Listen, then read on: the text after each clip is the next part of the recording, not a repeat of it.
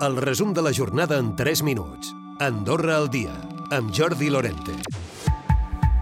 Dia inèdit al Consell General. No podem eh, prendre una decisió tenint dubtes inclús eh, de si això pot comportar una invasió de competències i doncs per tant en què ens hem de manifestar és Judit Salazar, la presidenta suplent del grup parlamentari socialdemòcrata, justificant que els consellers generals de la formació se'n anaven de la cambra. No està d'acord en emprar la via d'extrema urgència en un projecte de llei que posa fre al creixement urbanístic i aturar durant dos anys les autoritzacions d'habitatges d'ús turístic. D'altra banda, unes formes que tampoc compartien tercera via, més Unió Lauradiana, més independents, o la consellera general no escrita, Karim Montaner, que sí es quedaven, però, a l'hemicicle. Tot i la llau de sol·licituds de noves llicències de construcció que han tingut els comuns, que era previsible per l'efecte crida del projecte de llei, es pot ha defensat que aquesta és l'única via perquè tingués efecte. Els responsables departaments turístics han rebut amb sorpresa el projecte de llei que impulsa una moratòria de dos anys a les noves autoritzacions. Lamenten que la llicència es perdi si hi ha una operació de compra-venda i que no resoldrà la problemàtica de l'habitatge.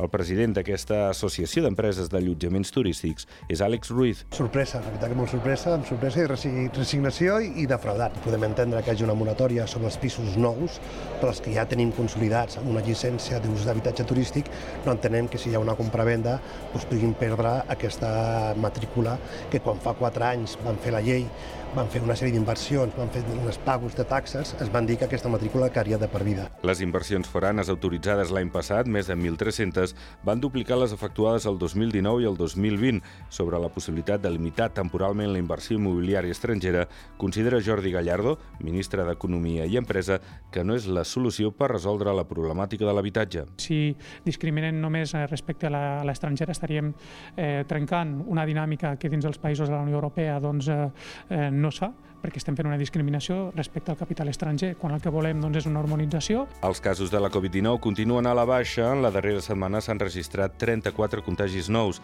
Hi ha 54 casos actius, 14 menys que la setmana passada i cap persona hospitalitzada. Aquest dimecres s'han fet les primeres ponències abans de la inauguració de l'Andorra Taste. En elles s'ha parlat de la importància de la cuina andorrana i dels productes que tradicionalment s'han utilitzat.